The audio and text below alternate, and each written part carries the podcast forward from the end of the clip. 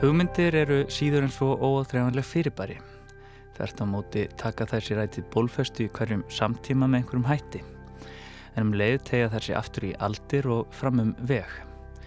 Í þessum þáttum 100 ár dagur ei meir sem engan veginn má líta á sem tæmandi umfjöllunum hugmyndir tengtar fullveldinu verða tilteknir hugmyndaströymar fullveldi sögunar, rættir til fortíðar og framtíðar með hliðsjón af einum ákveðnum viðburði sem telja mátti margsum þær hugmyndir sem um ræðir. Ferðarlega okkur í dag hefst þriðdægin annan september 1958 en í hverjum þætti að gengi út frá einni tiltekinni dagsetningu frá hverjum áratu fullveldisins. Þannig hver skipti færumst við fjær samtímanum og lengra aftur eða væri rétt að segja fram.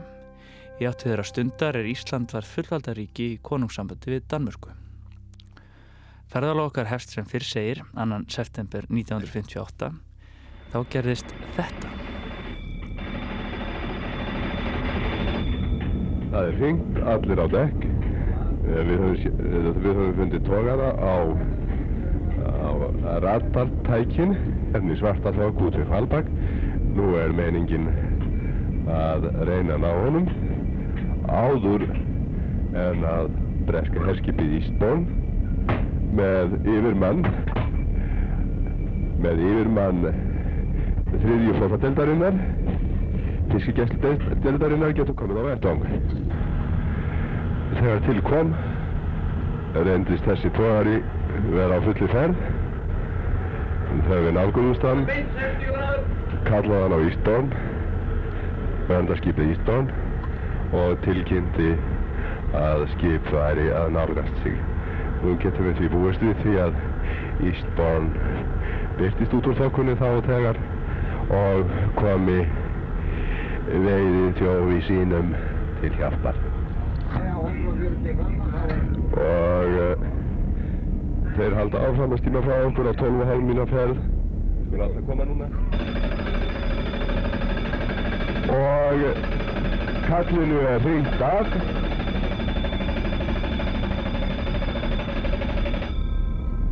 Kallinu er hringt af. Leitinni er eftirförin eftir þessum tógar er hægt en það myndi ekki vera hægt að sanna neitt á hann jáfnveld þó við kemumst upp að hlýðin á honum. Og vafalust vafalust að þeir væri búin að fela vexummerki ef þeir hefðu kert sig um á tilfærinum Hinn 1. september árið 1958 færðu Íslandingar landhelgi sína í 12 mílur. Bretar neituðu að viðkenna útfæsluna og sendu herskip til að vernda breska tógarað veiðum innan hinnar nýju landhelgi og er gerðnan rætt um að þar með hafi þorskastriðunum hrundið af stað. Stefán Jónsson, fréttamaður, var á varskipinu Þór þegar átökin hófust og lísti fyrir útafslustendum því sem var að gerast. Við erum brot úr lýsingu hans að morgni annars september. Þorskastriðin sem stóði með hlíum fram til ásins 1976 og lög með útfæslu íslenskra landhelgi 200 sjómilur eru öndvegis viðburðir í íslenskri fullveldisögu sem orka tvímælis endanda í dag eins og ljóst varði í fósettakostningunum síðustu þar sem frambjóðundur tókust á um þýðingu þorskastriðana og hvers konar sögu þau segja líkt og Jón Trösti Reynisson bendi á fyrir í þessari þáttaröð. Þetta varð að svolítið svona merkilegu bitbein í kostningabaratunni þar sem Gunni og Daví Ótsson tókust á um eitt atrið sem var sko hvort að þorskastriðið hefði verið svona e, og, og, og samtakamátu þjóðarnar í því hefði verið svona góðsögn það nú er Gunni Sackfræðingur og hefur talað um þetta Davíð gaggrinna fyrir þetta með því einhvern veginn að grafa undan samstöðu þjóðarinnar með því að gera lítið úr afraugum hennar. Í þessum þætti verða þorskastriðin ekki í forgrunni með hefðbundum hætti því atbyrðir þorskastriðana eru hér ekki til umfjöldunar. Þvert á móti verða þorskastriðin skoðu sem hluti af þróun í íslenskum sjáarútvegi og þeim framförum sem urðu á 19. og 20. aldi í greiðinni. Íslensku sjávarútvögur sem ekki varð sjálfstæð atvinnugrein fyrir ná 19. öld er einn af megin þáttum íslenskar yðnvæðingar og mönnum verður tíðrætt um framfærir í því samhengi. Í þessum þætti verður framfara hugmyndin tekinn til skoðunar meðal annars út frá sjónarhóli aðalsögu hetju þorskastriðana sjálfs þorsksins. Já, auðmingið þorskurinn ég verð nú að játa að ég veit ekki mjög mikið um þorskastríðin Gunnar Theodor Eggertsson menningar og dýrafræðingur. Þannig séð.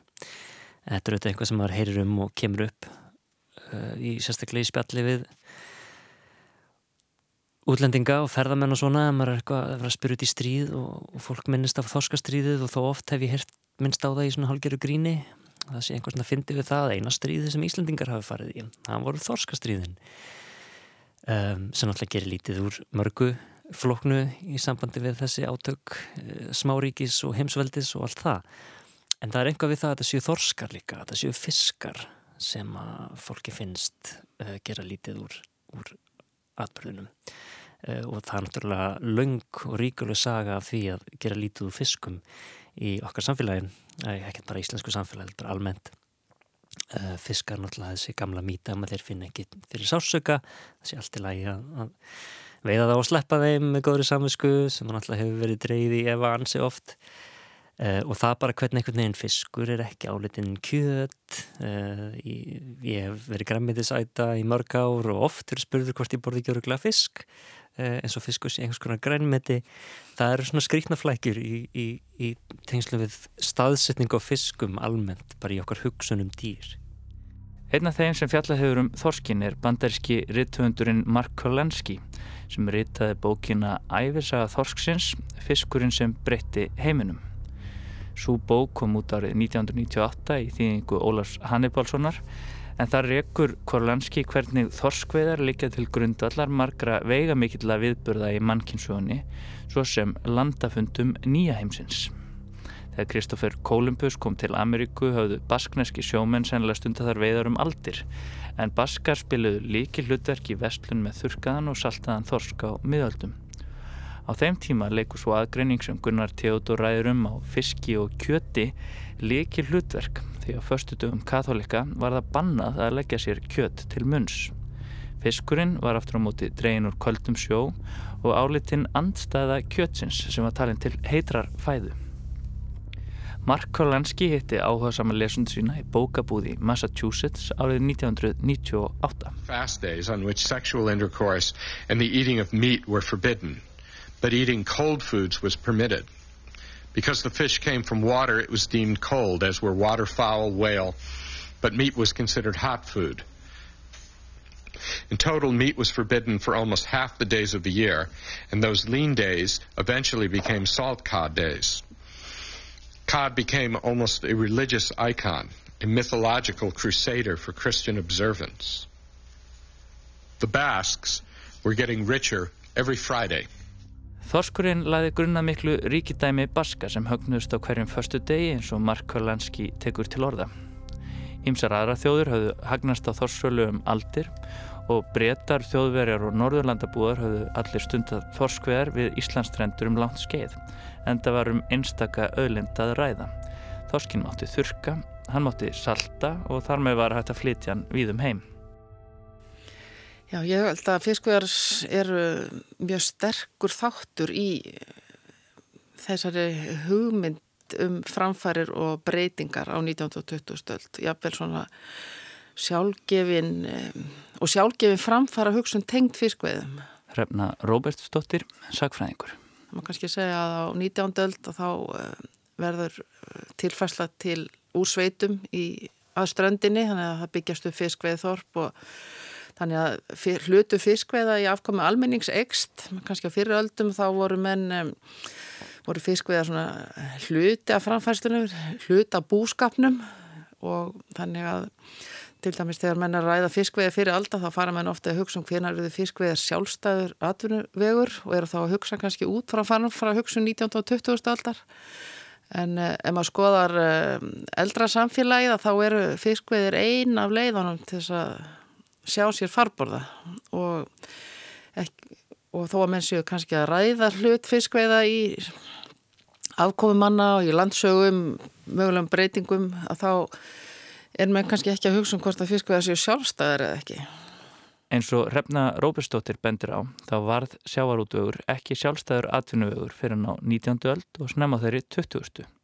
og helst svo þróun í hendur við yðnvæðingu og framfarir á Íslandi. Þorskastriðin á er náttúrulega mjög skilgrænandi atbyrður á, á setinluta 20. aldar og, og skiptir náttúrulega miklu máli bara fyrir okkar sjálfsmynd og okkar sögu. Stefan Pálsson, sakfræðingur. Og aðdragandi þeirra er náttúrulega sá að eh, Íslendingar fara í gegnum mjög mikla uh, teknivæðingu ja, sínum flota uh, kom okkur upp kröftugum tógurum með uh, ofnbæri yngripi bæði þá nýsköpunartóðurunum og svo síðarsku tóravæðingunni sem að, að gera það verkum að, að e, afkasta geta okkar, okkar fiskiskipa alveg e, ríkur upp sem að þýði það að til þess að rýma rýma fyrir þessum, þessum skipum og þá þurftum við að að riðja erlendri samkeppni af, af miðunum þessum, þessum hérna í bretum þjóðverjum og, og, og fleiri, fleiri aðlum. Markir Íslendingar um miðja 2000 öll litur svo á að framfæri væru grundvöldur þess fullveldi sem Íslendingar höfðu þegið frá dönum árið 1918. Ólafur Tórs, þáverandi fórsettisráðara, held til að mynda áramóta áarp árið 1945 ári eftir að Ísland hafi fengið fullt sjálfstæði og þar talar hann um mikilvægi framfara fyrir þjóðina. Þegar Íslendingar endur reistuðið forna líðveldi gerðu þessu ljóst hvílit afreg er svo fámennri þjóð að halda hér uppi menningaríki. Fögnuður þeirra var fyrirreit um að neyta allra krafta til að sigrast á örðuleikun. Það verður aldrei gert með sparseminn einni þótt haksíninn sé mikið svirði. Aðalatriði hlýtur að vera hitt, að stæla þróttinn og ganga með vikingslund að því að hagnýta þau gæði sem landið á ónótu. Sá auður er kannski torsóttur en hann er ótæmandi. Ef við Íslendingar fyrir rétt að, stýrum djart en gætum þess þó að kottsigla okkur ekki. Getum við orðið rík þjóð. Hér má aldrei verða atvinnuleysi og aldrei strítað án vits.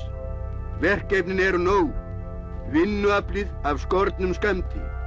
Fáar þjóðir eiga því fremur en við að sækja vélaflið og láta það vinna fyrir okkur. Aðrar þjóðir sem líktur ástatum eru orðnar ríkar. Einmitt með þessum hætti þær bóði, geta þær nú bóðið börnum sínum betri lífstjör en við ennþá þekkjum. Í þeirra fótspor eigum við að feta, af þeim að læra. Að þetta sé hægt sjáum við best af okkar eigin sögu. Skamtir en umliði frá því þjóðiliði fábreyttu og fátæklegu lífi í fullkominni kyrstöðu, deyfð og þróttleysi eins og tvær síðustu kynsluður hafa breytt árabátt í heimskip, orfi og spaða í sláttuvél, skurðgröfu og dráttarvél, hamru og steðja rokk og snældu í vélsmiðju og versmiðju, reysi höll, þorpi borg, nýlendu í líðveldi, þannig eigum við að sækja fram til aukina velsældar og menningar. Þetta er kannski ekki auðvelt, en örðuri var þó einn fyrri barátta sem þóðu leitt til svo margra sigra á svo stuttum tíma.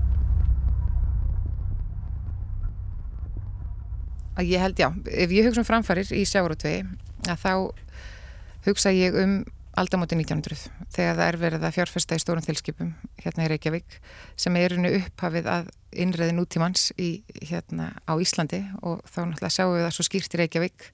Anna Dröfn Ágústóttir, sagfræðingur Hérna verður mikil mannfjölgun þar sem að það er mikil eftirspurn eftir fólki í vinnu bæði við að þjónusta skipin og við að við verka fólk á höfninni við að bera kól og salt og inn af skipunum og í skipin og, og þannig að hefur það mikil áhrif út af við líka sagt, en áhrif á verslun og, og skemmtana líf og það bara myndast mjög blómlegt líf hérna í borgin í byrjun 20. aldar og ég vil meina að það sé beintengt eh, framförum og þróun í, í sjáratvegi Já, velvæðing var náttúrulega eh, svona fór að koma í Evrópu á 18. og 19. öld og kemur síðan til Íslands til dæmis í öllariðina í lok, aldar, í lok 19. aldar og síðan í báta þarna um aldamótin og það þótti gríðarleg breyting og framfarir og það er ekki hægt að svona mæla gegn því að það hefur verið það mennur að kannski tíu manns að róa á miðin í fjóra klukkutíma matarlausir áður þeir komast í að veiða þannig að þetta hefur alveg gerbreytt veiðiskilurðum og, og hérna lífunum borð og svo framvegis. Sko, stóra breytingin er náttúrulega bara svo vjelvæðing sem að, á sér stað uh, til þess að gera snemma á 20. og þar njóta Íslendingar alltaf góðs að því að við erum með til dörnum og uh, Danir eru uh, leiðandi þjóð í velbáta væðingu þannig að, að, því leiti þá er, þá er, þá er það nokkuð, nokkuð lán. Uh, og við sjáum bara þá breytingu sem að, að verður á uh, bara á, á, á minstrinu uh, að og, og bara, bara á byggðathróun uh, frá því að, að það sé bara útræði úr uh, hverri vör og, og tók þá alltaf bara miða því hversu stutt væri á miðin yfir í það að það verður það, það verða til þjættbíli staðir sem að byggjast á frekar á hafnarskilirðum þar sem það er þá auðvelt að sækja uh, lengra í, í fiskin. Verksmiðvæðing verður ekki á Íslandi á 19. öld. Heldur er það fiskveiðivæðingin. Þannig að hún kemur svona kannski svipuð róti á samfélagið þá í smæri skala sé uh, eins, eins og kannski yðvæðingin í Evrópu. Þá við séum ekki kólareiknum að, að þá eru þetta mjög mikla breytingar, bæði mannfjölgun eftir miða 19. öld og sagt, um, breytingar á lifnarháttum. Bara það að keira umhverfis Reykjaneskagan, þá, þá sjáum við það að fyrir kannski 120 árum síðan að þá var sam, nánast samfelt og óslítinn byggð allstaðar þar í, í, í kring. Með jælvæðingunni þá verður hins vegar þessi samþjöpunum, þá verða til staðir, þá verða Grindavík, uh, Sandgerði, Garður, Keflavík uh, og það er svona kannski fyrsta stóra breytingin. Þá kemur... Uh, þá, þá fyrir kapitalið að skipta bara meira máli í, í, í íslenskum sjávarútvegi í staðin fyrir bara aðgang að ódýru vinnuafli og nóaði og uh, þar, þar, þar verða svona þessi, kannski þessi stóru skil en það hafa myndi aldrei hort á vélvæðingu fyrst bátaflotans og svo svona kannski minnamæli uh, tógarana sem íslensku yfirbyltinguna en í þessu samingi að þá skipti kannski vélvæðing bátana meira máli. Uh, tógararnir voru svona, svona einangraðra fyrirbæri og það er aldrei merkilegt að, að uh, þegar um, um ég fyrir hundra árun síðan um, um, um, um 1918 19, þá, er, þá er verið að skrifa um það í, í Reykjavíkurblöðunum bara hvort að þetta sé ekki ánum tóm vittlesa þessi tógaravæðing, bindi allt og mikið pening og, og, og bakki á, á, á hérna á, á Reykjavík bæ og þá eru tógarnir innan við 20. Reykjavík er auðvitað bara lítið eh, sjáarþorp uh, þar sem að eh, allt fram á lók 19. aldar þar sem að sjómenn fara út á opnum bátum og svo hérna síðast áratug 19. aldar er farið að fjárfesta í þilskipum hérna í Reykjavík og, og það er verið að koma miklu meira fiski og það verður mikill auður til í landinu og það verður miklu meiri þörfa á, á fólki til að vinna að, að vinna þennan fisk sem er verið að koma með í land og það verður mikil mannfjölgun í bænum í kjölfarið og, og svo náttúrulega í byrjun 20. aldar er verið að nota þannan auði að fjárfesta í ennstari skipum, verið að kaupa tógara til Reykjavíkur. Þeir voru langflestir hér á fagsaflóðasvæðinu uh, og, og uh, kallaði daldið á byggði daldið á, á, á hafnar aðstæðum uh, fórsendið þess var náttúrulega Reykjavíkur höfn sem að er ráðist í á árum fyrir heimstyrjaldarinnar og má einlega segja að uh, hefði ekki mátt býða mikið lengur. Uh, Reykjavík stóð hreinlega frammi fyrir þeirri spurningu hvort að hann, hún myndi missa sitt fórstu hlutverk sem höfustadur uh, Íslands ef, ef ekkert væri gert í, í hafnarmálum. Við vorum komið með uh, hafnarfjörð, örtvaksandi, útgerð frá viðei, hugmyndir um uh, stórskipahöfn í, í, í skerjafyrði þannig að það að geta tekið þátt, það, það að verða hluti af þessari stórfældu innvæðingu sjáurútvöksins var líkilætrið fyrir Reykjavík. Og það sem er náttúrulega mjög áhugavert í sambandi við Reykjavík er að það gleymir stundum þegar það verið að fjalla um sjáurútvegin og, og, hérna, og kannski stundum verið að stilla því upp múti íbúum miðbæðarins 101 kaffidrekkandi miðbæðar búa að það er verið að landa langmest af uh, bólfisk í Reykjavík en er langstæstur kvóti í Reykjavík og það mest verið að landa fisk í Reykjavík en það er kannski svo stór hluti reykvíkingar sem hafa svo líkil tengsl við sjáuröldvik í dag þrátt fyrir að þetta sé staðan að í 101 Reykjavík er verið að landa langmesta fiski á öllu landinu. Borgarmyndun er í afnantalinn einn af fylgifiskum framfara. Þess á augljóslega staði í yðinvæðingu í Breitlandi og meginlandi Evrópu á 18. og 19. öld þar sem borgir risu umkörðis verksmiður. Þetta hefur að sjálfsögðu óaftur kræf áhrif á dreifbíli, áhrif sem Íslandingar eru enn að takast á við. Þéttbílismyndun á Íslandi hóst þó svo sannarlega ekki með tilkomu Reykjavíkuborgar og deilur um sveitir og þéttbílismyndun hóðust mun fyrr í Íslandsögunni. Það má eiginlega segja að það hefði verið rauninni allt frá síðmiðöldum ertu með einhvers konar þorpa myndun á Snæfellsnesi. Hellnar, Hellisandur og Vestmæriðar, þetta eru stærstu staðir Íslands í margar aldir og síðan er það biskupstálanir. Þannig að þó svo formleg kaupstæðamyndun kannski eigi sér stað í loka átjandaldar með kaupstæðatilskipun og þá ertu með kannski nokkur hundru manns í Reykjavík en þá þegar ertu búin að hafa kannski 300-600 manns í Vestmanni og það sem hefur búið að vera verslun allt árið meðan það var kannski ekki vetraverslun á öðrum staðum á landinu. Og þannig að fiskveðarnir eru augljós sko, þáttur í að styrkja þessi tímabundni eða stabílu þéttbíli um ár aldaraðir. En hins vegar er annar þáttur því að uh, hversu æskileg tóttumönnum þá þessi kaupstæðmyndun eða þjættbílismyndun eða sapnast að sjónum og það er eilíft deilumál í Íslandsögunni alveg maður kannski bæði með samtíma mann og sakfræðinga hversu máli, miklu máli skipti það að vera móti þjættbíli eða með þjættbíli eða með að móti sjávarútveginum Þó borgarmyndun tengist sjáarútvögi á Íslandi, þá tengtist hún í upphafi mannkynnsögunar mun fremur landbúnaði. Gjarnan er talið að borgarvæðing hafi hafist upp úr einu svo kallu landbúnaðarbyltingu sem áttur sér stað fyrir um 10.000 árum. Oft hefur því verið haldið fram að með fastri búsettu og landbúnaði hafi mannkynni tekið eitt stærsta framfaraskref í sögunni. Þó hafa slíkar fullýningar verið dregnar í Eva og Ísraelski ritthöndurinn Júval Noah Harari til að mynda lítur svo á að landbúnaðabildingin hafi ekki markað upphaf yfiráða mannsins yfir landbúnaði heldur þvert að móti yfiráðum landbúnaðar yfir manninum. Það er þessu skeiði sem menn hefja fyrir alvöru ræktun á dýrum til manneldis og ímislegt bendi til að borgarmyndunin sem var möguleg vegna ágóða framlegsli í landbúnaði hafi markað upphaf raunverulegar stjættaskipningar. Já, orðið mannkinn saga náttúrulega gildislaðið í sjálfu sér. Það er saga af mannkinninu, það er ekki saga af öðrum dýrategundum, það er ekki saga af jörðinni eða náttúrunni eða umhverjunu. Það er það auðvitað alltaf því að mannkinn-sagan er samofin þessu öllu. En um, það er eitt svona sem er stundin tínt til til þess að greina millir okkar og annara dýra, nú hægt að tala um vitsmunni og ímislegt sem var áður fyrir notað og raukugsun og hitt og þetta sem er náttúrulega lengur búið að sína er ekki stort, stór gjá á mill okkar og annara dýra.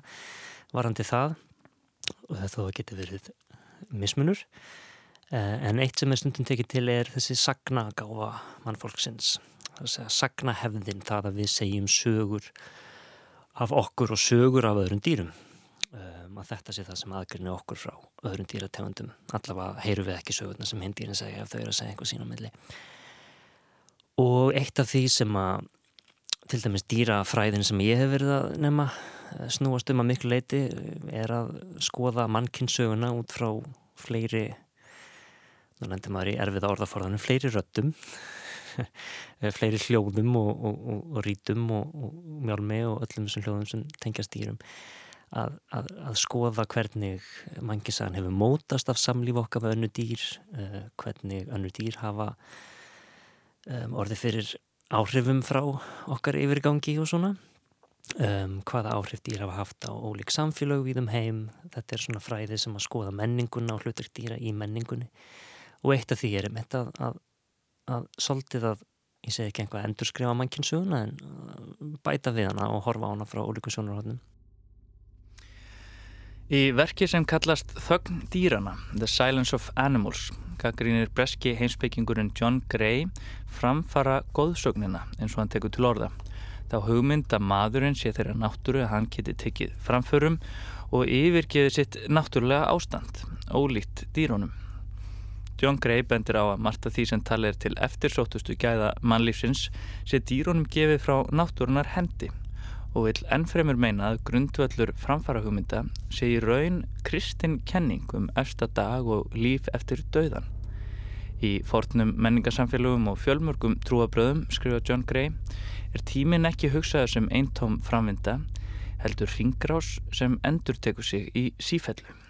Framfara hugmyndir og tólkun sem að byggir á þeim, hún er oft mjög línuleg og stefnir í eina átt en á meðan eh, í rauninni þjóðfélagin fari í bylgjum og það sem er eitthvað sem að telst framfæru einu tíma það kannski gengur tilbaka og það er eitthvað annað sem tekur yfir.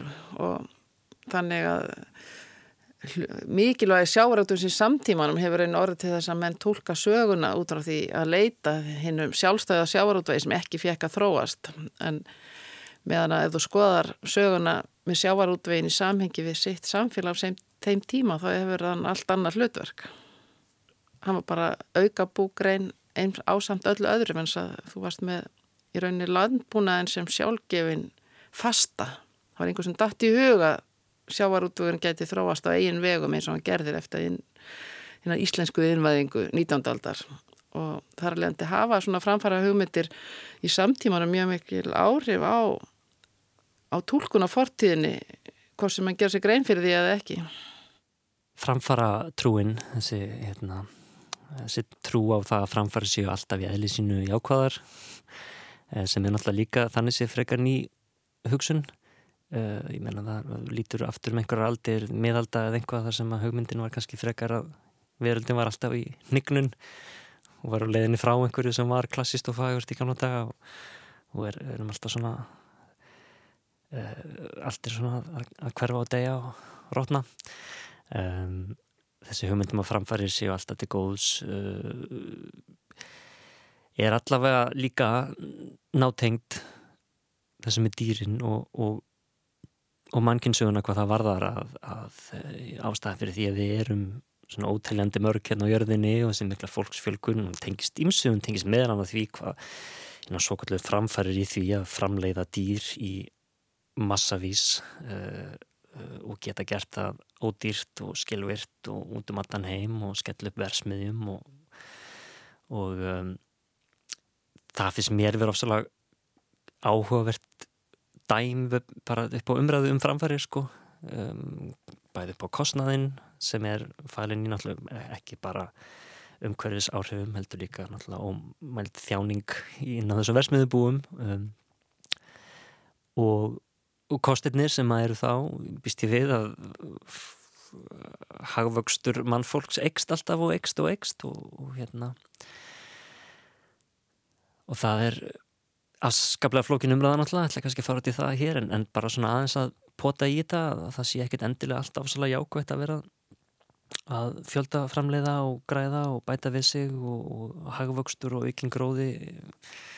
Það sé líka ákveðna framfærir að fara sér hægt stundum og, og, og bakka og staldra við og vera ekki endalust að þjóta.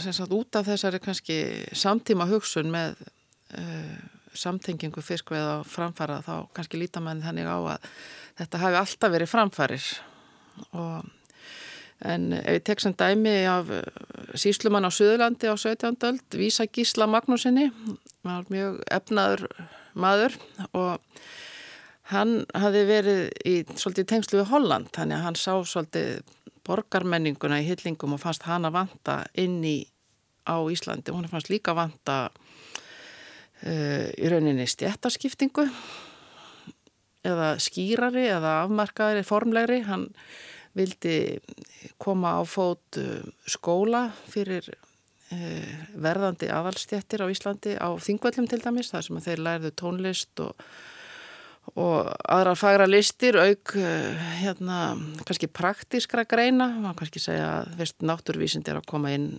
og uh, starfræði og eitthvað slikt meðan að uh, hinn kannski klassiska mentun, prestamentun var latina, gríska raukfræði, eitthvað slikt þannig að það er þessi svona borgaramenning frá Hollandi sem hann þekkir. Og, hérna, og hann bauð sjálfan sig og sína ætt fram sem eina af sko, yfirstéttarættum Íslands. Og, og þannig að þó svo að kannski almennt viljum en um, sjá fyrir sér sko, aukna nýtingu náttúröðlinda veiða meira fástæri skip til Íslands, þá erum við líka að tala um aukna úrvinnslu á öllarvörum að menn fari í handverksframleyslu handverkum er sterkur þáttur í framfara hugmyndum til dæmis á 17. og 18. öld og þetta tengis náttúrulega líka þessari gamlu hugsunum mannmiðjuna og að við einhvern veginn eigum allt og öll náttúr hans sé hráefni fyrir okkur til að vinna með og það er alveg endi dýrin líka og, og það er sjálf og sér heldur ekkert svo gömul hugsun, hún er bara nokkur þúsund ára gömul. Hún er áleika gömul siðmenningunni og, og þar á undan átti var til mannfólk sem bjó í 2000 ára og, og leita ekki á náttúrun hans er hráefni. Heldur, heldur hérna heldur, heldur umhverfi sem við vorum hluti af. Manni finnst oft eins og hugmynd sem hefur verið með okkur svona lengi sé einhvern veginn meitliði stein og sé einhvern veginn náttúrulega eðlislega en, en en þetta er eitt eitt dæmi um hugmynd sem hefur verið svo lengi með okkur og búin að gleyma því að þetta er uppalega bara ákveðin hugmyndafræði og mannmiðjan sem slík í rauninni festi sig ekkert almenni sér fyrir enn í yðbildingunni sko.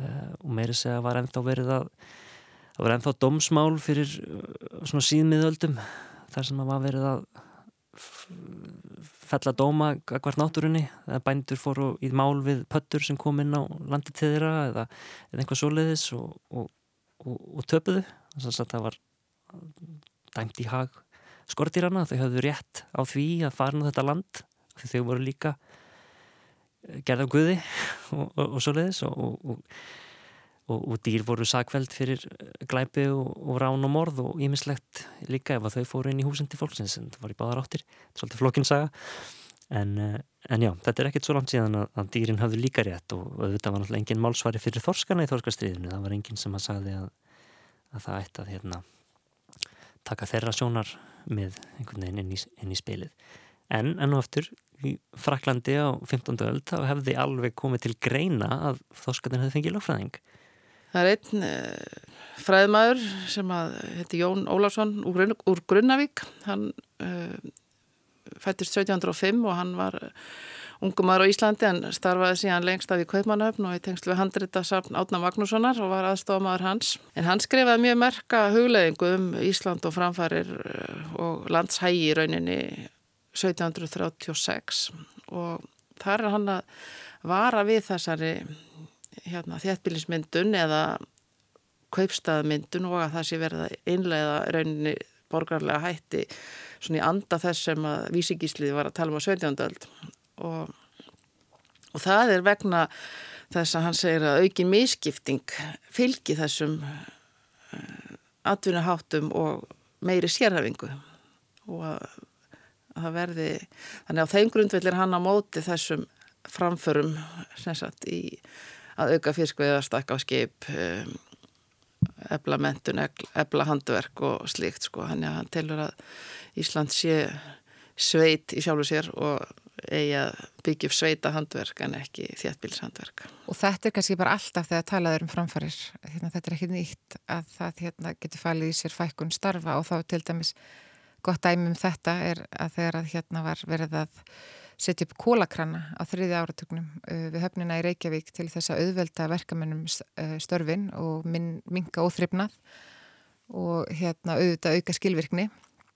Að þá voru skrifað greinar gegn þessum kólakrana þar sem að verkamenn hótuð því að bara rífa niður þar sem þeir hótuðust að missa, missa störfin sín út af þessum kólakrana þannig að þar voru þarna dæmum kannski skýrar framfarir sem voru umdeildar út af akkurat þessu sjónameði að fólk sé að missa vinnuna. Það er enda kannski dálítil ofur einföldun að segja að, að dýrin hafi fengið fullan rétt á við mannfólki í þessum gamlu réttarhöldum af því að það var auðvitað stjættaskipting líka í þessu. Það er að segja dómaratnir sem að dæmdu í skortirana voru náttúrulega líka að gera það gagvart fátakum bændum og það er stjættaskipting innan samfélagsins og það einhvern veginn sko hver oftast voru það henni fátæku sem að töpuðu fyrir dýrunum, ég held að það hefði ekki gert þetta ef þetta hefði verið stórbændur um, og sömulegis ef, ef að þorskarnir hefði fengið lagfræðing þá mjög líklegt að, að, að dómurinn hefði fallið svona nær heimsveldinu heldur en smáþjóðinni sko með þessu gamlu dómsmál.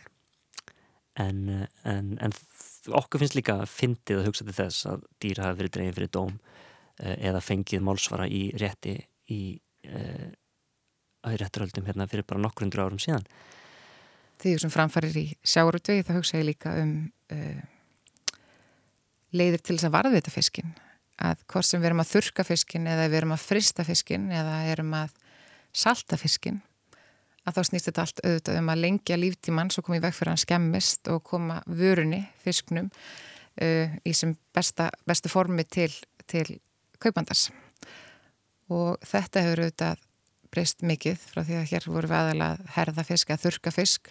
Svo var saltfiskur verðmætasta útflutningsafurð Íslandinga og svo með nýri tækni, fristi tækni og, og aukinni velvæðingu að þá verður fristur fiskur og kæltur fiskur okkar eh, verðmætasta afurð. Og þá getur maður líka hugsað um uh, framfarir í fiskútflutningi og tækjum til þess að flytja út fiskin að þá með því að eh, fá gáma og fristigáma þá erum við færum að sykla lengra og herja á nýja markaði eins og Ameríkumarkað eða Jafnvel Asju og með flúvilum erum við farin að geta flóið út með fisk sem að var veittur kannski að hóti í, í gær og borðaðan einhverstara veitkastað í New York kvöldið eftir. Og svo við förum aftur yfir í þorskastriðin um, og bara einhvern veginn þessi forsenda sem að þau snúast um þetta að berjast um þessar mílur, þessar landhelgi. Um, þennan rétt til þess að fá að lifa af sjónum og fá fá, fá verðmætin sem eru þar. Það að við höfum verið í stríði við aðra þjóð um um þennan rétt er líka einhvað sem er ágætt að staldra við og íhuga því að þetta er líka ekkert svo ekkert svo gömul hugmynd. Þannig séð við lítum að sögum mannkins að, að við eigum einhvers konar guðlegan egnarétt á umhverfunu að það að við getum farið í stríð aðra þjóðum það að, að þetta sé okkar réttur að borða þessa þorska frekar en hinnir um, þessi mannmiðja sem þetta snýst um sem tengist sögu seðmenningar þetta eru nokkur þúsund ára gömul hugmynd. Þar á undan lefði fólk 2000 ára án þess að draga svona línur í sandin og, og segja að við, við eigum heima hér á náttúrunar hinnum megin og, og hún er ráöfni fyrir okkur við það, það fólk átti í allt öruvísi sambandi við umhverfið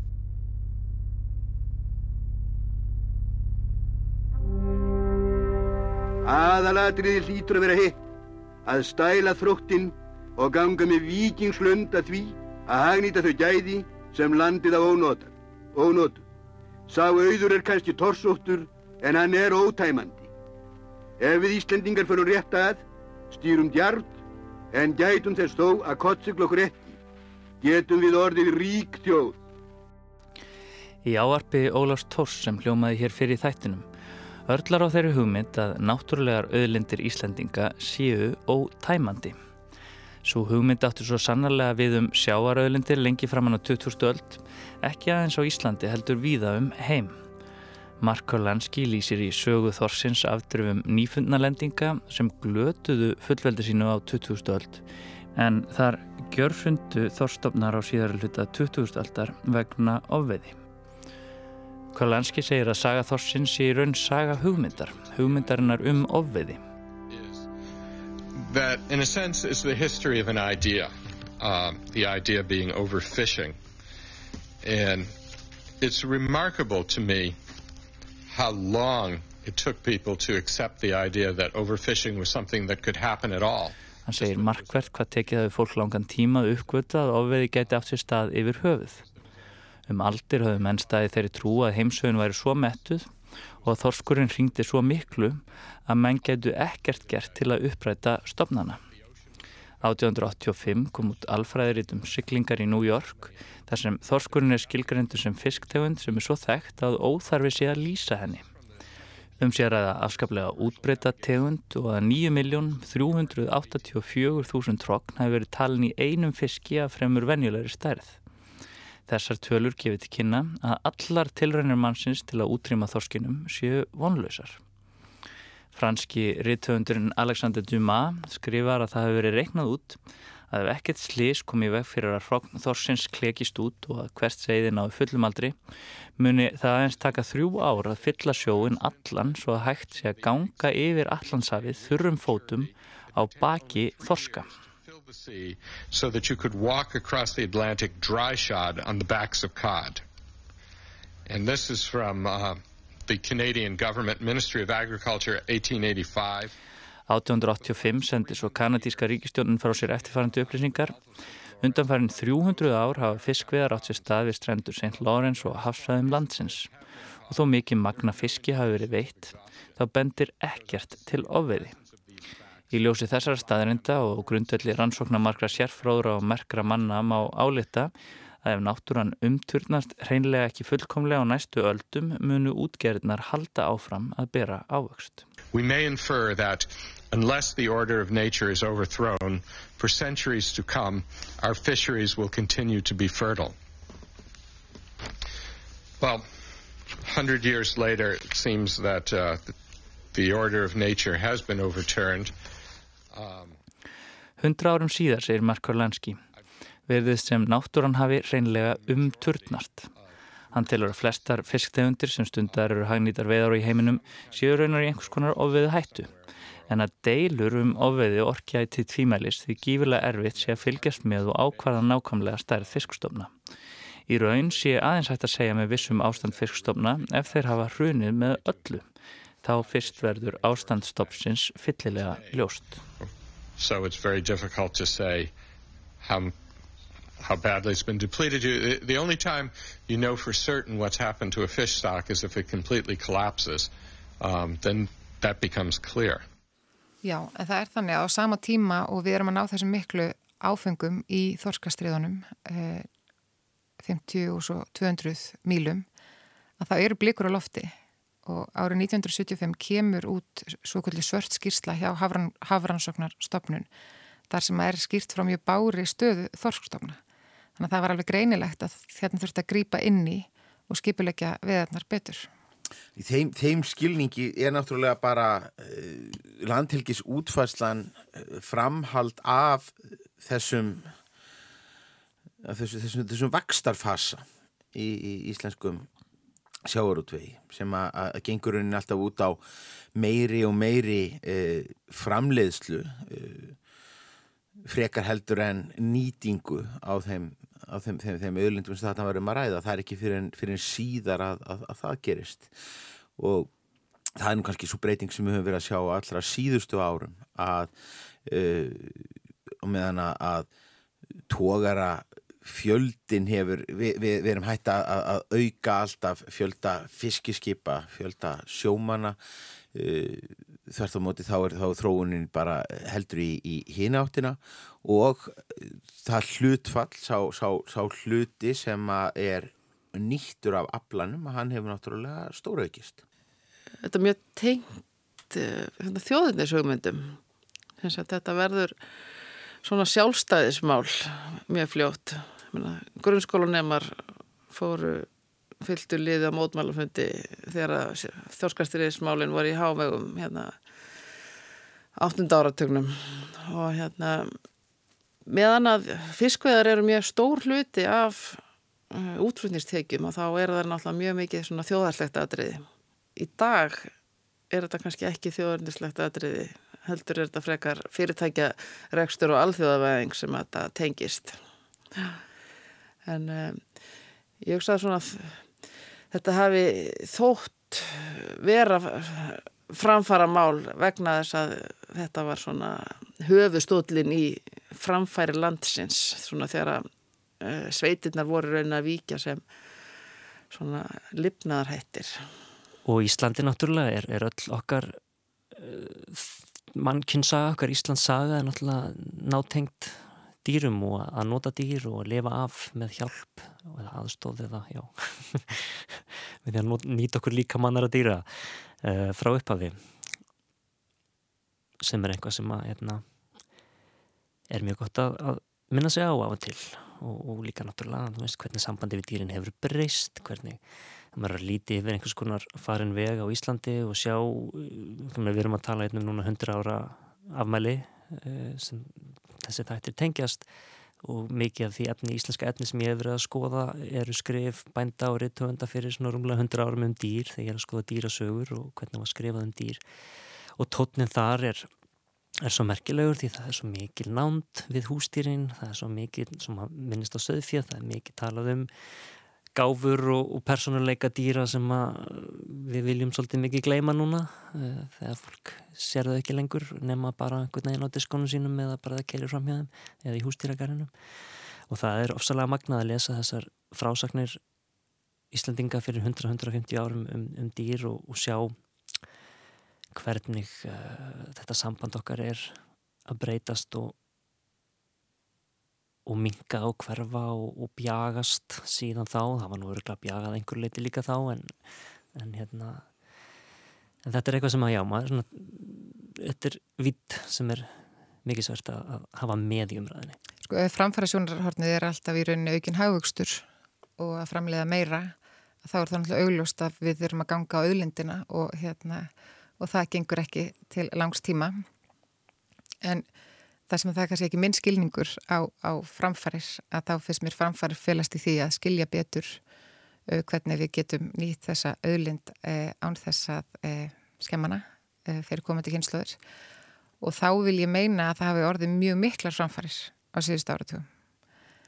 Uh, í bara auknum skilningi og í rauninni talsvöldi samstu sem var ekki um það hvernig auðlindin var notuð en í dag bara í krafti aukinar þekkingar neytenda sem að gera í rauninni kröfu um að það sé vel staðið að þessum málum að þá hafi í rauninni allir aðilar, ekki aðeins sko rannsakandur eða yfirvöld heldur líka þeir sem að eru að veiða fiskin og selja fiskin hafa átt að segja á að þetta skipti mjög miklu máli þar sem við erum með verðmættari e, afurð út af því að hún hefur þessar vottanir. Og við getum með góðri saminsku staðið á bakvið það að hér síu stundar ábyrgar fiskveðar uh, og þetta er svo sem allt sem á kannski rætur sínar í því að við náðum uh, yfirraðum yfir land til yfir fiskveðilöksugunni og hérna og má svo sem alveg ekki til þorskastriðsins er að þá var þetta skipulegja viðarnar og við svona búum þá að því þessari áratugar einslu sem auðvitað hefur gengið á ýmsu.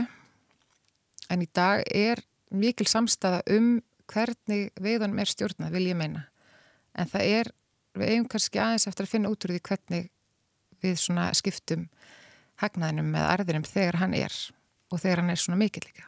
Ég hef skoðað dýr í bókmyndum á miklu leiti, ég hef nú ekki sérað mig því að skoða fiska í bókmyndum og eflust er heilmikið um fiska eh, sem koma fyrir bara sem hlutar af raunsæði skálskap og, og jafnvel sem tákn eh, fyrir hitt og þetta en skálsugur sem að fjalla alfarðum fiska eru sjálft séðar. Ég gerði sérstakar leit af þeim þegar ég var að skoða bækur sem eru skrifar út á sjónarhóttni annara dýrategunda. Og ég fundið tvær. Og þær voru báðar held ég um lagsa lags og gullfiska. Gullfiska sem týnast og enda út í, út í á og ferðast um ána og saga nýri leginni svona hugleðingum ána og náttúruna og fiskana og hasarsaga upp á líf og dauða. Og hinn var um jálags sem er að einhvern veginn bara vaksur grasi. Eh, og báðarsögurnar voru skrifaðar fyrir unga sem aldna ekki síður fyrir eldri lesendur. Þetta er svona fyrirluta 20. aldar. Eh, ég hef ekki fundið fiskasögur á íslensku svo ég ekki ennþá allavega eh, sem er áhugavert í sjálfu sér. Ef einhver þekkir góðar íslenskar fiskasögur þá má hann gerna vatnum við það Nemo er öruglega undir áhrifin frá þessari gullfiskasögu sko. höfundurinn sem skrifaði hanna var vel þekktur hjá Disney fyrirtækinu sko. þannig að það má vel vera þegar við sótt í hann Verk Mark Konlenski æfisaga Þorsksins hefst á lítillir sögum sjóman á miðöldum sem halarinn stærðarinnar Þorsk Það kemur sjómann nú ekkit rosalega mikið óvart hvað þorskurinn er stór en ég heldur að hann skuli tala mannamál. Það sem kemur honum öllu spánskara fyrir sjónir er svo staðreind að þorskurinn talar basknesku. A medieval fisherman is said to have hauled up a three foot long cod, which was common enough at the time, and the fact that the cod could talk was not especially surprising. But what was astonishing was that it spoke an unknown language. It spoke Basque.